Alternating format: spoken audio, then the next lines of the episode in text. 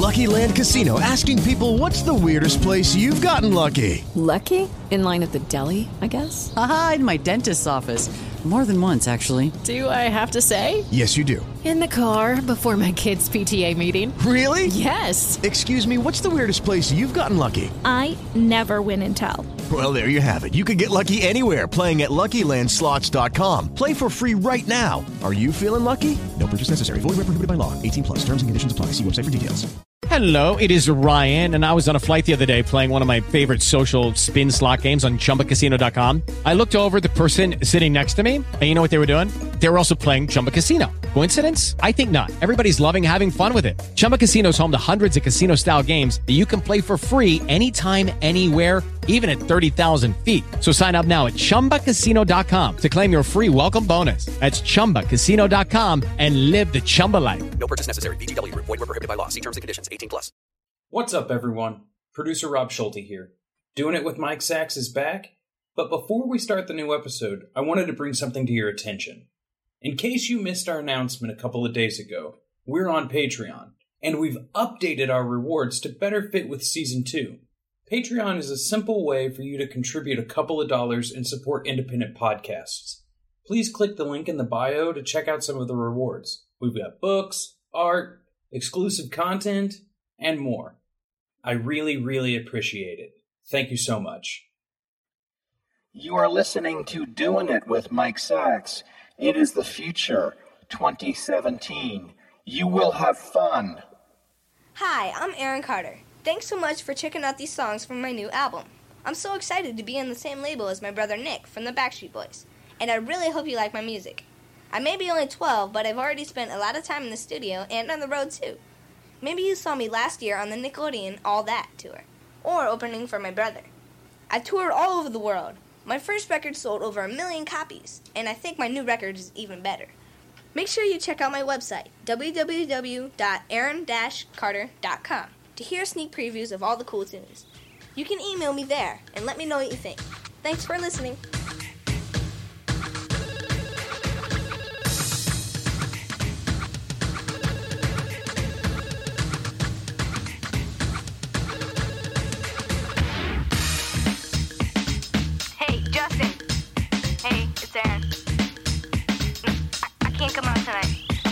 Girl.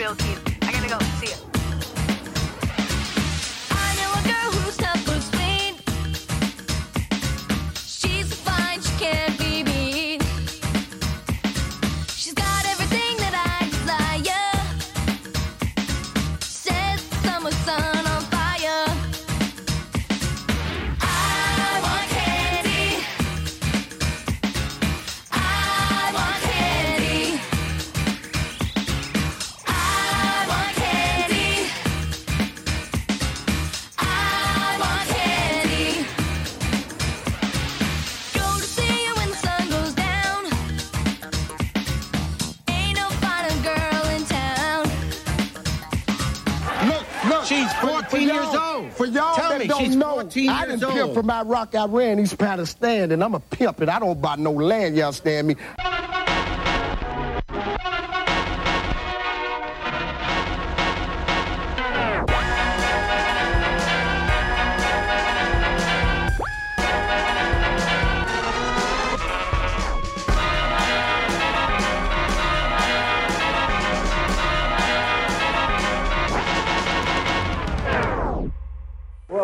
Happens here now?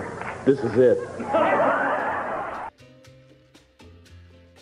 Welcome to the 20th episode of Doing It with Mike Sacks. I missed you. No, I didn't. Yes, I did. They said this would never last. Who said that? Who said this podcast would never last? Not in a million years. I'll tell you who Marcus, Maximus, Kurt, Kirsty, Brandon, Stewie, Becca, Bennigan, Alphazia, Robinson, the big number two, Fat Boy, Slash Gash, Wing Wong, Jack the Roller Ring, Pickle, and Stub. It is great to be back. We have a great episode. We have an interview with one of my favorite journalists slash writers, the great Jon Ronson. This guy is brilliant, and his writing and reporting is more important now than ever. Beyond that, he is a great guy. I love him. That's coming up soon, but before that, I'd like to play something for you. So, as many longtime listeners to this podcast know, the Doing Itters, I have an ongoing series called Reconnecting, in which I call up a former girlfriend or a crush, and I just reconnect live on the air. It's really a way for me to find my inner terrific and to relocate my childlike joy. It's been a huge hit, and I'm going to continue this series into 2017. Now, for this specific episode, I shall be getting in touch with my high school prom date. Maria Arthurs. Maria and I shared a lot of great memories over the years, but we haven't spoken in, I'd say, close to 25 years now. One of the things I wanted to ask is why she left me on prom night for another guy, Eric Strasberg. Even after I spent all that money on the limo and the carnation corsage from the Piggly Wiggly and the dinner at the Ponderosa, all that money went to waste. She left me for Eric Strasberg. Now, a friend of mine, Stacy Vargas, another old high school friend, gave me Maria's work number, and I'm going to call her right now. This should be fun. Here we go. Good afternoon. This is Apple. I'm sorry, what? Uh, this is Apple. How may I direct your call? Is this like the Apple store at a mall? Apple headquarters. How may I direct your call? Wow. Um, Maria Arthurs, please. Okay, I can forward you to her secretary. No, no, no. No second fiddle. I want to talk with Maria Arthurs, please, or no one. So if you can just get Maria Arthurs on the phone. God damn it.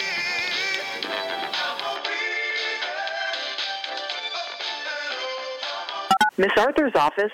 So formal, Miss Arthurs. Yeah, I want to speak with Maria, please. Maria? Arthurs. Maria Arthurs. What is this regarding? Uh, can someone else help? Hardly. Regarding prom night. Prom night? Yeah, prom night. What, you think your boss never had a sex life? Can you get her, please?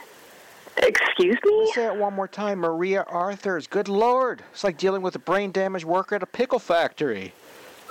One second, please.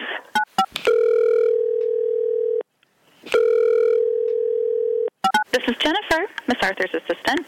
Oh, God, again with the Miss Arthurs. I need to talk with Maria, please. Regarding? What is this, the regarding squad? You gotta be kidding me. I'm an Apple employee, and if you don't get her on the phone, um, I am going to commit suicide. Excuse me? Yeah, Are you kidding? the furthest from kidding. Or is it the farthest? Furthest is degree, and farthest is distance. Furthest. I'm the furthest from kidding. Isn't a joke. No, ma'am. I'm going to blow my brains out right now if you don't get Maria on the line. I work at the Apple store in Montgomery Mall in Bethesda, Maryland. I am live on YouTube. This is going to make the world's news. Even Fox News will be talking about it. I'm going to commit suicide. And if you don't start getting her right now, I'm going to start committing suicide. Hold, hold, get her, hold on a second. Hold on a second, please. Jesus.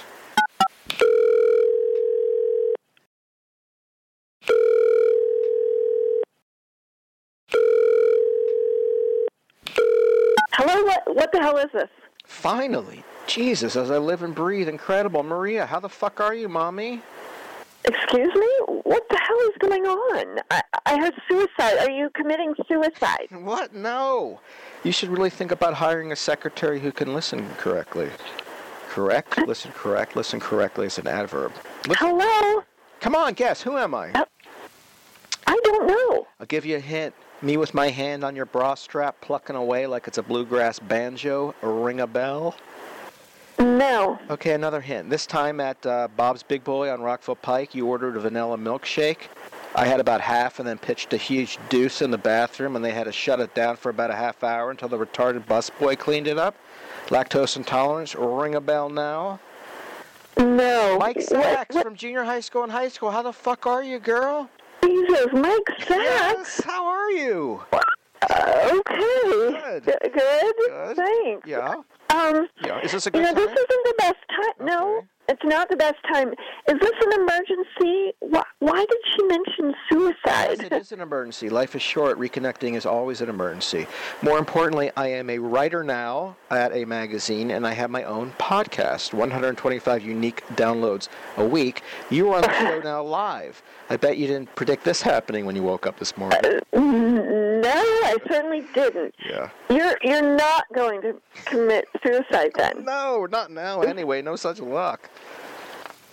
Yeah, well, this isn't appropriate. Oh, I I, don't is. think I want to. certainly, it certainly was appropriate when I held you real close when your brother Richie tried to commit suicide. Okay. Excuse me. So we'll get to that later. Listen, I've been reminiscing a lot lately. As you might or might not know, we just had our 25th high school reunion back in. I didn't go, Mike. Well, I didn't go either. I didn't go. I've been thinking, and I wanted to go over a few things that are still on my mind. Now, uh, you know, Do you remember prom night? I guess. Oh, yeah, a little, of course. Wow, memory ain't what it used to be, I guess. Let me remind you. I'm going to recite a poem that I wrote for you that night after you left me for Kevin. Okay? I Oh, later left this on your answering machine a few hundred times after prom, even though you never acknowledged getting it, but your mom certainly did and called my mother, who told me to stop, which was rude. Our moms were friends. Well, they were. I found this in an old box in my parents' basement a few weeks back when I was visiting. My mom just died, by the way. Oh, I'm, I'm sorry. I'll have to tell my mom. How's she doing? How's your mom doing? She just suffered a stroke. Does she talk funny now? What? Okay, we can get to that later. But what I'm about to read to you made me cry when I read it. It treasures up a ton of memories. But I got to give you a warning: it is not PC. Okay, remember this was written in the Oh, early God. 90s, so please keep that in mind. Okay? Okay. Here it goes. Spent a ton of dough on a white stretch limo. Spent a wad of cash to hopefully touch that gash. Didn't so much as let me glance at your breasts. Was it 'cause I got drunk off cheap Mexican booze? Was that when you began to cruise? Was that when I missed your coos? Is that when you began to look for another dude? You hooked up with a fat fuck named Kevin Strasberg. Dude had a small cock. I saw it at summer camp. You ain't nothing more than a tramp. You ain't nothing more than a scamp. What does this have to do with anything? Why did you not stay with me that night? Why did you go off with Kevin? Prom night? Yes. You got drunk and threw up on my dress. Well, now your memory kicks back in. You had a change of clothes. And, you know, I never understood your obsession with that dress anyway. It was ugly.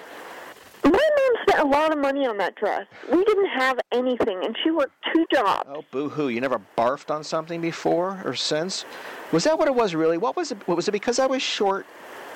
No. Was it because I was too intimidating? Too intimidating. You were obnoxious and drunk, and your breath stank. I just told you I barfed. Of course it stank. And you know what? If I remember correctly, you had nose hair. I only went out with you because you didn't have a date, and my mom asked me to, as a favor to your mom. I was 14, and you were 18. No, you were almost 15, and I wasn't quite 18, thank you very much. And is that true? Your mom said that? She asked you to ask me out? Yes. I don't believe you. I asked my mom, you know, but she's dead. And also, I would ask your mom, but I probably wouldn't understand her. Mike, I have to go. What do you do now, by the way? Well, I'm an executive at Apple. I'm a vice president. yeah, but what do you do? I work at a magazine, and you, and I have my own podcast. You mentioned that 125 listeners. You know what? A unique downloads, yes, 125. But you know, it's new. It's, and it's but it's on the internet, so the potential is for billions of listeners. Right. I'm familiar with the internet, Mike. I'm sure you are. Uh, So I found another poem in the cardboard box. This one is a little dirtier, so hang in there. My pring ain't, my thing ain't the prettiest. Not many people have kissed it. I compare it to a messy flower, or maybe a doggy, hairy and with folds like a sharp pig puppy. Oh, God. Please, just email me later, okay? So, so what's your email? You know what? Actually, You know what? I actually really prefer your, your mailing address. I love to mail these poems to you, and I'm gonna, I'm gonna mail you the originals, but be careful because they have some stains on it. Anyway, I thought we could reconnect. I thought this would be fun. Uh, uh, this was fun. Things are going pretty awesome for me, although I did get a divorce recently. Oh, did you throw up on her dress? Oh, that's funny. Yes, actually, I did, the wedding dress, but that had nothing to do with the divorce. So what else is up? Is that all you do? You just work at Apple? No, I also work at a homeless shelter here in the Seattle area. Why? Why? I, I, I should clarify. It's a nonprofit shelter for at-risk youth. I have my own podcast. Y- You told me. Let me tell you my problems with homeless people. No, thanks. Well, they ask for money, and that's fine, but I hate having to touch their hands because whenever I drop a dime or a quarter or a nickel or whatever I drop into them, I don't like touching them. I have a touch of OCD, which means obsessive compulsive disorder, which I've actually had since I was 11, and I had it when you knew me. And actually, now that I think about it, maybe that was why you never really connected to me more strongly. Um, I don't think I so. also don't understand why some homeless people think they can just get money for free. Right? How about giving me something for it? You know, like a performance or something. It doesn't have to be long, just something. I'm no, I'm, I'm no fan of beggars with zero. Skills. Okay. Yeah. Okay, okay. Listen, my assistant is telling me that I have another call, so I need to get going. is telling me, telling you that you have another call. Yes, that's what I just said. Bullshit. You know what? Yeah. It is actually. Uh-huh. It is. It's bullshit. We're done. Anyway, so it was cool catching up. I um I am a little low on dough. Are you now rich or something? Oh, Jesus. I'm doing okay.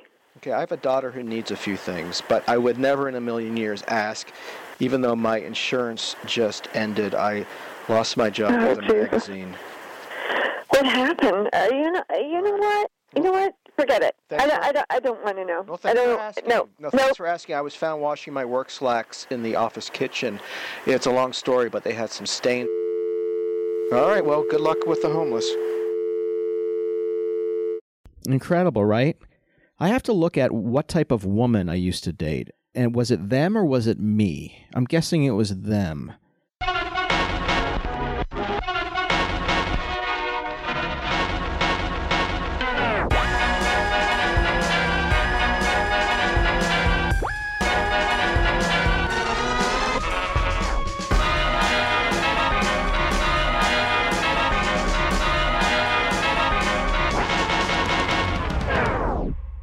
Okay, really excited about this interview. I've been a fan of the work of Jon Ronson's for a while now. John is originally from Wales, now living in New York, but he's been reporting on the fringes of American craziness for close to 20 years now, way before that fringe became mainstream and now occupies the White House. John has written about the KKK, about conspiracy theorists who believe that the world is run by giant lizards. No joke, by neo Nazis, by Alex Jones, the radio personality who now has the air of the most powerful man in the world. Horrifying. Jon is the author of many great, great books. His most recent is The Elephant in the Room A Journey into the Trump Campaign and the Alt Right. You have to download it. It is necessary reading. You may also know Jon's name from other books such as Them, Adventures with Extremists, The Men Who Stare at Goats, The Psychopath Test, and So You've Been Publicly Shamed. Every one of those is fantastic. Buy it. John has been there from close to the beginning of all of this lunacy, and I thought he'd be the perfect person to help explain what the hell is going on. We spoke by Skype. The sound is a bit wonky. I apologize for that, but I am of the opinion that the liberals are behind it. I mean, the last time we saw each other was, I don't even know how many, two years ago. A lot has happened uh, since then. It feels like a very long time ago. So in the last two years, I guess I, I brought up my book about public shaming. Which really hit at an interesting time. I mean, that, that was a book that connected with a lot of people in a very strong way. It did. What happened was my, my book and Monica Lewinsky's TED Talk came out pretty much the same week. And I think those two things combined, you know, sort of changed um, everybody's feelings. Um, it was like I've never I've never written anything that felt quite so much like throwing a hand grenade into a you know into a community. You know, it felt it was like big. You know, people were very strongly for it, and then other people were very strongly against it. Uh, to the extent that they then wanted to try and get me. So, so that was like a difficult time, I'd say. That was like a difficult six months where, where I basically, I, I felt like I was standing, like I never had any time to like enjoy the success that the book was having because I was, I felt like I was like standing in a hurricane, fending off, you know, the debris. Um, and trying to explain to the debris that they were misunderstanding the book. So, so yes, that that was quite overwhelming, I'd say. Why do you think people were, were vehemently against the book? Most people were. Like most people loved the book, and most of the people who were against the book hadn't read the book. Like I know that for sure. Um, because they were saying things about the book that just weren't true. A false narrative began to spread about the book, which was, I, I guess, you know, in a nutshell, that, that it was a book that was against identity politics, I, I guess, um, and social justice.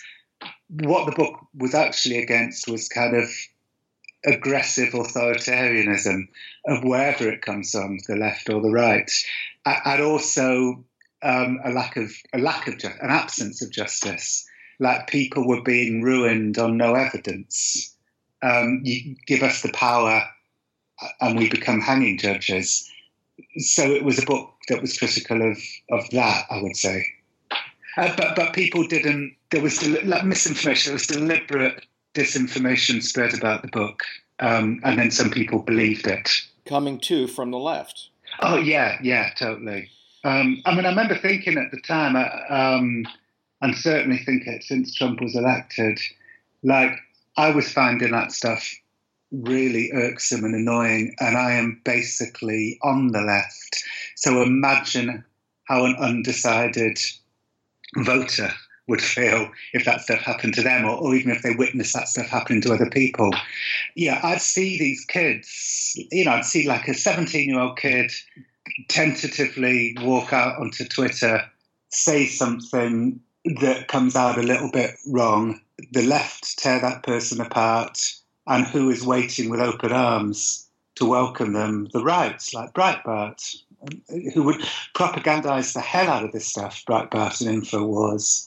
Um, like if you look at the kind of stuff that Breitbart and InfoWars were doing stories on before the election, a lot of it was about this, was about this kind of growing authoritarianism amongst the left. Um, so, you know, I, I think this stuff contributed to Trump's victory. I absolutely agree. And I, I, I read it originally, the book, and then I reread passages the other day. And it's interesting to read it with what we know now. It seems like a lot of time and energy on the left, and I'm from the left, spent on going after the wrong people and spending time on subjects that were almost circling the drain. And meanwhile, where we weren't looking, there was a lot of more important things going on. Yeah, no, I felt I've just written this short ebook about rekindling my relationship with Alex Jones, who I've known for like 20 years, and and there's called the Elephant in the Room, and there's a there's a line in that book where I say it feels like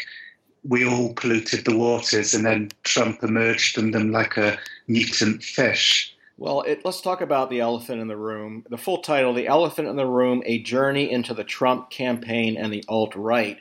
It's available as a Kindle single. It's a terrific book. I recommend everyone download it. But what's interesting about the book, among many other things, is it was published in late September. And you concluded the book by saying that the quote, the alt right's appeal remains marginal because the huge majority of young Americans like multiculturalism. And then you went on to say that if a disaster happens and Trump does get elected, the idea of Trump and Alex Jones and Roger Stone and Steve Bannon having power over us is terrifying.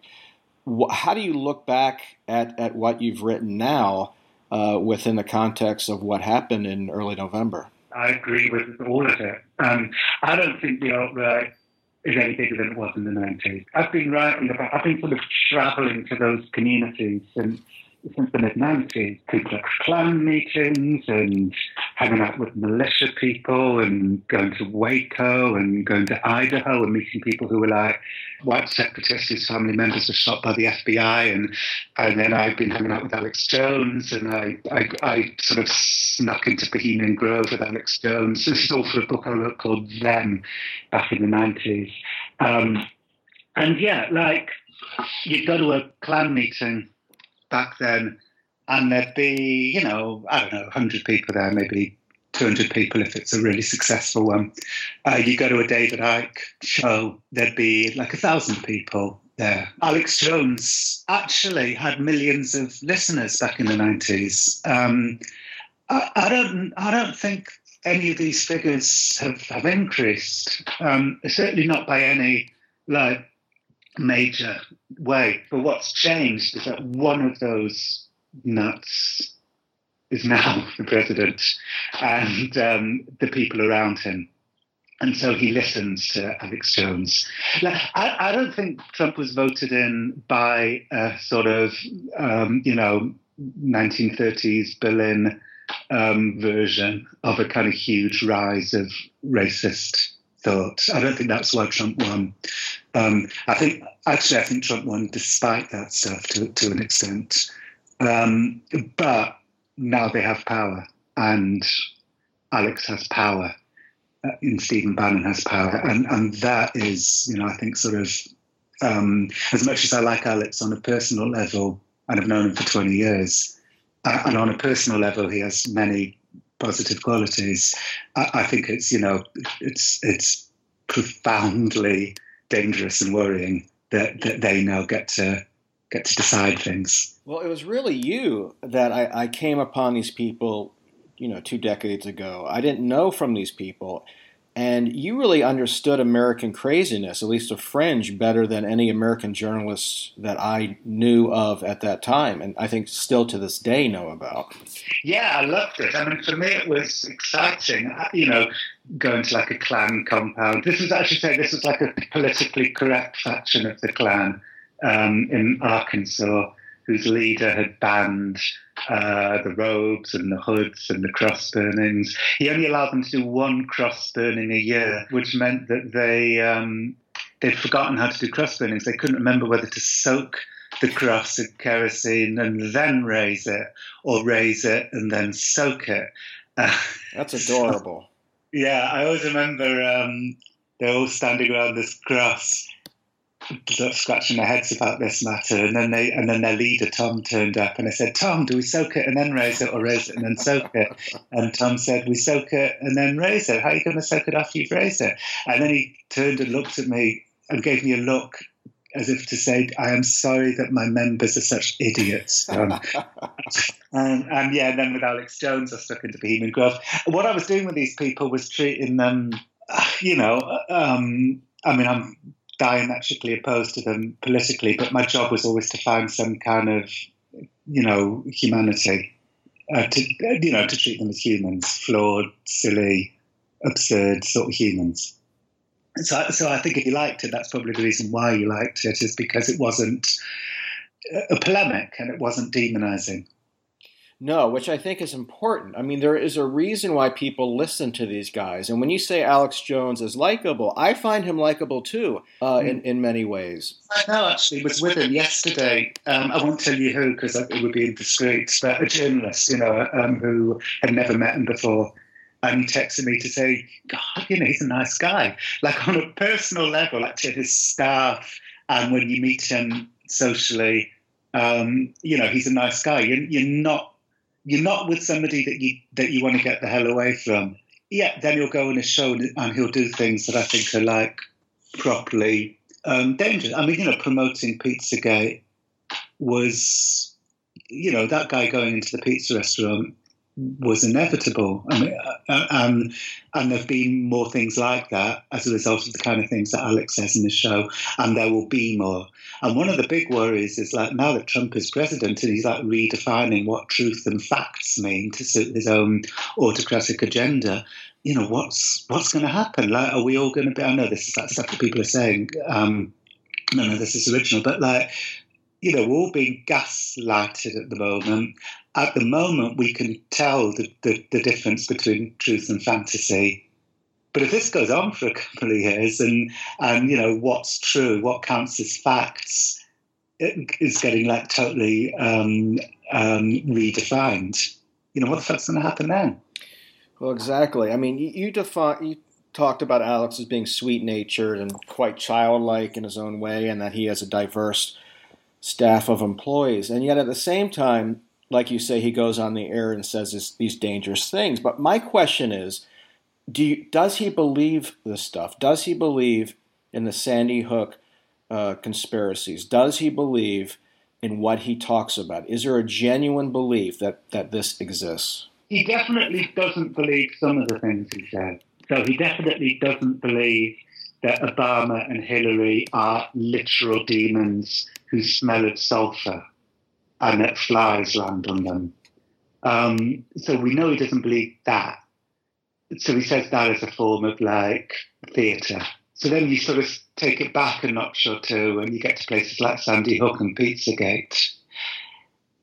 I, I still think that he's talking in metaphors to an extent with with that stuff. My feeling is that he probably doesn't believe that either. I'm, I'm less certain about that, but that's my feeling. The thing is, like with Alex, you know, this goes all the way back to 9-11 because I knew Alex even before 9-11. Um, he he has a template. Like something happens, it's a false flag, you know. So then, so he comes up with this template first, and then fits the narrative around his template.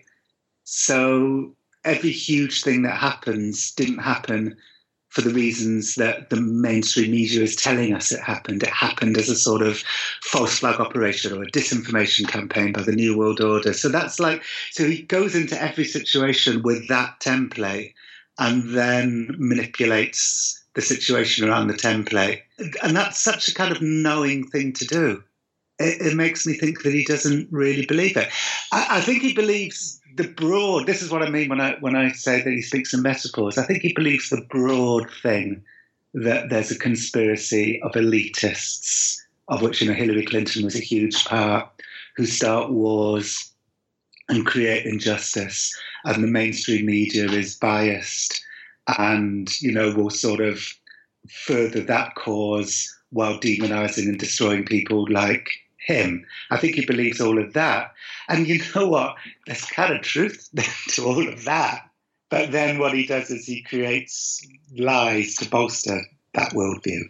All right, well, that's that's the thing. You can speak in metaphors, but when you use specific instances, for instance, Vince Foster was murdered by the Clintons, or that there are man-fish hybrids, that the Yeah. or that the government is turning American citizens homosexual with chemicals and juice boxes. These are very specific conspiracy theories that are not metaphorical. Well, I think they are metaphorical. I just think, um, I think to him they're metaphorical, but he doesn't tell anybody that he sees them as metaphorical. That, that's my that's my opinion on him. So I think he doesn't believe a lot of this stuff. He believes the worldview, but I don't think he believes the specifics. Okay, well, in that sense, then I, I have I don't have as much um, patience for him because if he is genuinely mentally ill, and I've known genuinely mentally ill people who feel certain things, if if they believe it, and I know that they believe it, I can understand and respect that more than someone who is not speaking the truth and knowing he's not speaking the truth. Yeah, especially now that he has a fan in the White House and he can change the culture now. Apparently, I didn't see it, but apparently two days ago he, he said on InfoWars, I'm changing the world. Um, so particularly now that he has more power than he's ever had and more power than he ever should have had and more power than anybody ever thought he would have, um, yeah, I mean, you have to have less sympathy. Um, I, yeah, so I, I, he's definitely not mentally ill. Um, that like if he goes on Piers Morgan and acts crazy, that that's that's theatre. Oh, so Uh, you think that by him appearing on um, on Piers's show, that was not uh, something that was. You think that was a performance rather than something that was innate. Oh, I'm sure it. You are partly responsible for his um, popularity. You, you said that you were Alex Jones' Simon Cowell, that you first met him when he was only 26 years old. Yeah, I mean, I'm being kind of self-deprecating. I think I would have made it anyway, but um, but yeah, I, I certainly came up with an idea that that helped catapult into fame, and that was for the two of us to to sneak into Bohemian Grove together, which is this you know elitist summer camp in Northern California, where conspiracy theorists had long rumored that they have rituals that culminate in a human effigy being thrown into a giant bonfire in front of a massive um, stone owl while they all dress up in robes and hoods. So I thought that can't be true. And then I thought, I wonder if I can get in and film it. Um, so I decided to hook up with a conspiracy theorist to do it. So first I asked David Icke, and he said no, because that's where the ruling elite transfer themselves back into giant lizards. So then I asked Alex Jones, who I'd met with Randy Weaver at Waco. Um, I'd met him like by a bonfire at Waco. Um, where he was rebuilding David Koresh's church, and he'd struck me as um, very like charismatic and and clearly a, a future star. Of the conspiracy world and, was already a star, you know. And so I asked him to come into Bohemian Grove with me, and then we went into Bohemian Grove, and he's and we successfully filmed the ritual. And then Alex put out a video called Dark Secrets Inside Bohemian Grove, where what the extraordinary weirdness of what we'd seen wasn't sufficient. He had to give it an, a layer of fantasy. So he said that we had probably witnessed an actual human sacrifice, which then put me in the kind of weird position of like having to go around the world saying, no, we didn't see, we didn't see an actual human sacrifice. So I was like forced into this weird position of like defending the Bush family's proclivity for mock human sacrifice, um, because you know to sort of tempt to sort of um, yeah temper Alex's um, crazy claims. Uh, so Alex's video became like a huge hit, and that helped. That certainly helped him get new fans and and build his empire. Right, this is a real event. Kissinger, Dick Cheney, the first President Bush, they would undertake this annual ritual to appease the owl god uh, Moloch. It did happen, and but what interested me about this is that you both witnessed what you witnessed, and you both came away from it with a different interpretation. That he felt it went a level beyond what you knew happened. Did he honestly feel that there was human sacrifice, or was it a potential for human sacrifice in the past at this event? Uh, I, I think I think he didn't think that we, that we possibly witnessed actual human sacrifice. He was saying it for theatre, in, much the same way that you know him asking questions in inverted commas about pizza Pizzagate led to the guy with the gun going into the pizza restaurant. Um, yeah, I don't think Alex believed that we'd possibly witnessed an actual human sacrifice, but he but he said it uh, in his video twice.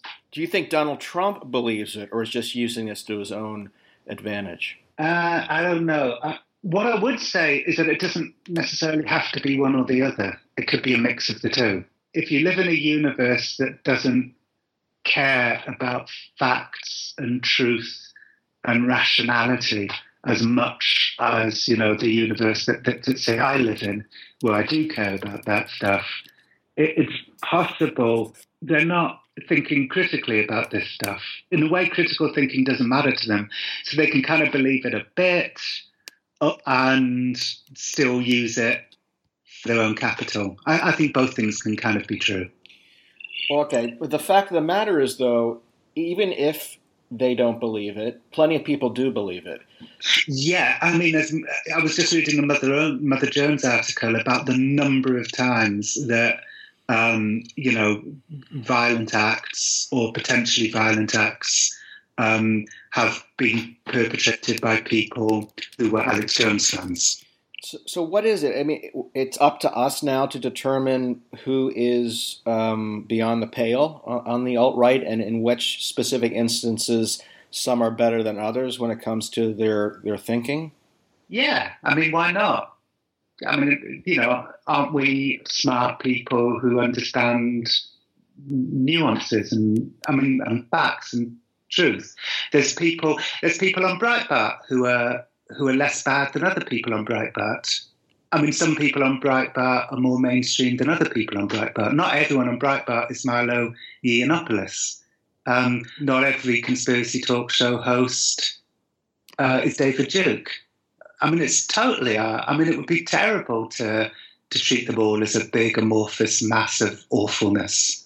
Um, you know, don't do to them what the worst versions of them do to us. I think that's a great point because if you do do that, if, if, if you equate all of them with Nazis, all of them with this or that, there are Mm. differences, and it's sort of discounting and showing a lack of respect for the potential power of what we're Yeah. now dealing with.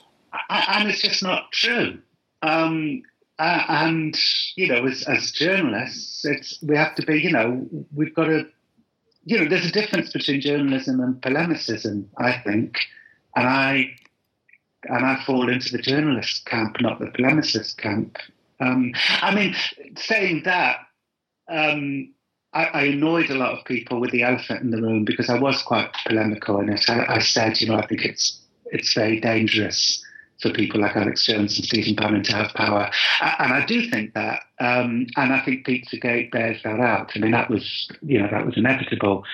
Um, so, but but at the same time, like, yeah, you've got to like sift shit. I mean, if everybody stopped trying to find out the truth, then we'd be fucked as a as a society. If everybody just you know, it's what Obama said back in July. I, he, he gave a speech back in July that I thought was very moving, where he said, you know, everybody's retreating to their corners, everybody's like staying inside their bubbles, their echo chambers. You know, the center is dying. The center won't hold. Um, and sure enough, that's exactly what's happening. The center is dying, and but the center. And then when people try and, you know, Glenn Beck lately has been trying to like say, I am sorry for all the divisive things that I've ever done. I feel genuinely bad about creating a more polarized and divisive world.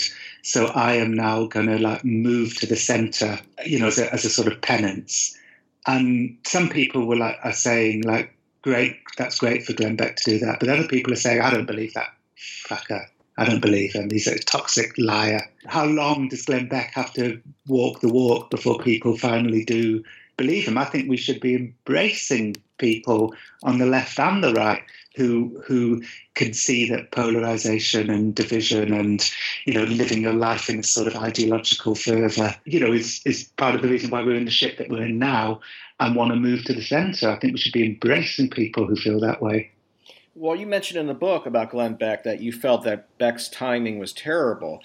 But uh, just playing the uh, the other hand, devil's advocate, one can say now that the timing was brilliant because he's now in in the mix when it comes to going against what the majority of Americans want to go against. I hope that the majority of Americans now feel that we should find a centre ground, you know, and that polarization is part of the reason why we're in these very frightening times. I, I hope people feel that. Do you think people have come to believe that since since the election?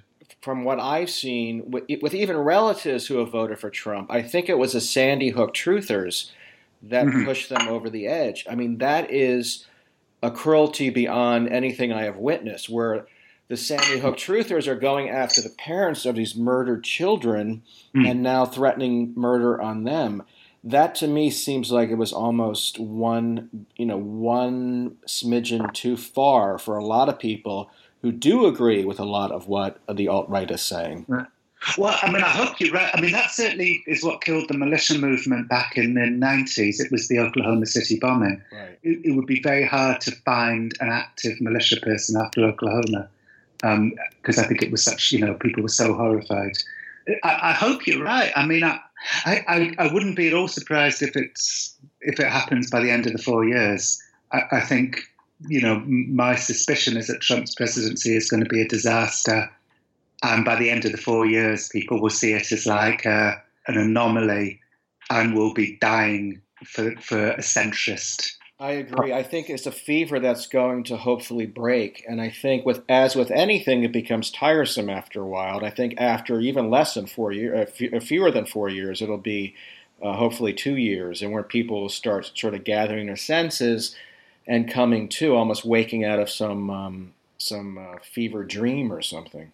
Yeah, I, I, I really hope so. Um, and, and I think so too. Like, I just don't think that, I mean, unless Trump brings jobs back to America and doesn't do any of the, you know, crazy things that he says he's going to do. But assuming that it's just as bad as we all think it's going to be, I, I agree with you, yeah. Well, one can just hope at the most, or at the very least, that he doesn't fuck it up too much. I mean, that's all I'm hoping for at this point.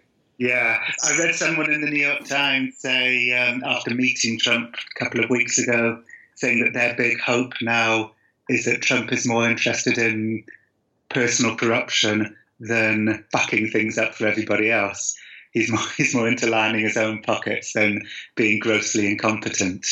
Um, and corruption is is is is far less bad than gross incompetence. So let, us hope he's let's hope it's just corruption and not gross incompetence. Is that what we've come to? We we just hope it's horrible corruption. let's just hope he's doing it to to to yeah make himself more money, and that's that's that's the only thing he's interested in. Let's hope so. I, I kind of think so. I mean, it, it's you, you have to be you have to really believe it to be Hitler, right? I mean, Hitler really was into that shit. And I'm, not, I'm just not totally convinced that Trump is as into it as. No, I think you're right. I think uh, Hitler was a sociopath. I don't know if Trump. I mean, you're an expert on this. You've talked about it. I mean, what is it about these things that people are reading that the human mind wants to believe? Whether it's about giant lizards, or it's about Sandy Hook, or it's about Pizzagate. And Hmm. It's almost like a magnet, and I found myself reading certain things about Pizzagate in the in the early parts, and wondering, you know, there's twenty percent of my mind. I thought, could this be real? Oh, me too. When I watch Alex Jones Pizzagate video, which I have been doing lately, Jesus, by the end of the video, you're thinking, of course, like, of course. Yeah, I guess it's all to do with bubbles and echo chambers when you're given, you know, it's what courtrooms are based on too, right? When you're given um, a series of facts without context, we are going to believe this stuff. Um, Alex Jones's Pizzagate videos, some of which he's taken down now since the guy went into the pizza restaurant with the gun, um, are very persuasive. Absolutely. And it's not just that. I mean, I was watching 9 11 conspiracy, and I know it's not true. And yet Yeah. you watch it and you think, could this be true? So, what is it about the human mind that almost wants to believe in conspiracy theories? Well, I mean, there are certain disorders that make you believe in those things more. You know, a need to find patterns where there aren't any patterns and so on. So there are certain disorders. But, you know, I, I was watching a Pizzagate video the other day that Alex had put out, and, and I believed it. And I'm not, you know, mentally ill in that in that respect. Um, I, I believed it because it was a series of facts where there was no opposing facts, so it was a polemic. And, and I didn't know. I mean, I'm, I'm saying, you know, we as viewers don't know. There's 50,000 emails, 49,900 of them may may have proved that there wasn't child sex, but but the people compiling the videos are ignoring those. Um, you know, so so a huge amount of confirmation bias is going on in the minds of the people who are compiling the videos, and then we are, you know, only um, watching the product of all of that. Yeah, so we're being taken in by compelling polemics. So, where does your role, does your responsibility as a writer and a journalist now change? Has it, is it under a new prism now? How, how are you going to move forward in this world? Yeah, I, I think so. I think like I think I've always gone where power is. You know, my, my public shaming book, there was a different power balance going on then. Right. I mean, the the you know the right were being marginalised in a way that they're not now, and you know the kind of aggressive authoritarianism was coming more from the left. And that's you know it was in that culture that I wrote my public shaming book. But all that's changed now that Trump is president, and um, it doesn't feel appropriate for me to write critical things about the left now in a way that it felt more appropriate, you know, two years ago. So yeah, I think my my, you know, if I if I write about this stuff now, it's it's going to have to be critical of the right um, and the alt right and Trump and so on. You know, you have to you have to you have to see where the power is um, and where people are abusing power, and that's where that's the stuff you have to write about. And and power shifts all the time, and you know, power has shifted dramatically since November. Well, I can't wait to see what you have going on and what, what you're going to come up with. Can you talk about it? Do you, are you working on any books? I'm working. I'm not working on. Well, I'm just starting to work on books, but I'm working on some other things. I've, I've got a, a movie um, that's going to come out. My next two big things is I co-wrote a film called Okja um, that's being directed by Bong Joon Ho, and it stars Tilda Swinton and Paul Dano and Jake Gyllenhaal. And uh, but the main star is a 12-year-old Korean girl, and it's a, and it's a film about her. And also, I'm making a big series for Audible about the tech takeover of the porn industry, um, which I'm kind of obsessed with. So those are the two main things I'm doing at the moment. I mean, I'm a huge fan of your writing, have been for years. I think you uh, you you've understood this side of American society, which I think a lot of Americans didn't, including most, if not all, journalists. and I wish you continued success. The latest book is The Elephant in the Room A Journey into the Trump Campaign and the Alt Right. It's available on Kindle. Download it. It's fantastic. Jon, thank you very, very much for your time. I know you're very busy. I appreciate it very much. Mike, it was a pleasure talking to you. Thank you.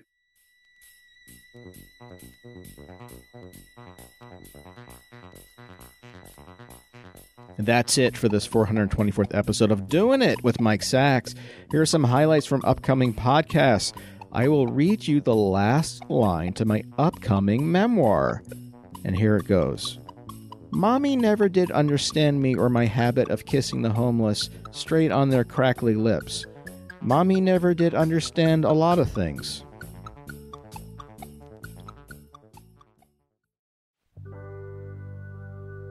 I appreciate you joining us. It's so great to be back. Thank you for tuning in. We have a lot of great episodes coming up. I look forward to seeing you at the next episode, especially you, that guy alone in his room, dreaming that the Jews were behind 9 11 and perhaps even 7 Eleven. A few shout outs. Jon Ronson for speaking with me. John is one of the busiest writers that I know, and I very much appreciate him taking the time out to speak with me. Download his latest book, The Elephant in the Room A Journey into the Trump Campaign and the Alt Right. Required reading. Get it. I'd like to thank Andrea Salenzi, Danielle Deschaines, Cassie J. Snyder, and Julie Wright for contributing to the Getting Back in Touch piece. Ian Goldstein for his help. You can reach Ian at his email, ianscottgoldstein at gmail.com, or his Twitter page, Ian Goldstein Yes. Sam Peach for his marketing and artistic skills. You can see Sam's incredible work on Instagram and Twitter at O Death Creative. That's just the letter O, O Death Creative. And on Facebook and Tumblr under O Death Creative. Rob Schulte, my man, for producing, editing, wrangling everything. This guy does it all. RobKSchulte.com. Hire him. He's a great podcast, Pumpkin Spice Podcast, and you can find that on iTunes. You can reach me at MikeSacks.com or at doingitwithmikesacks.com or on Twitter at doingitpod. So I think you know what to do. No? Yeah, you do. Keep your feet on the ground and keep doing it.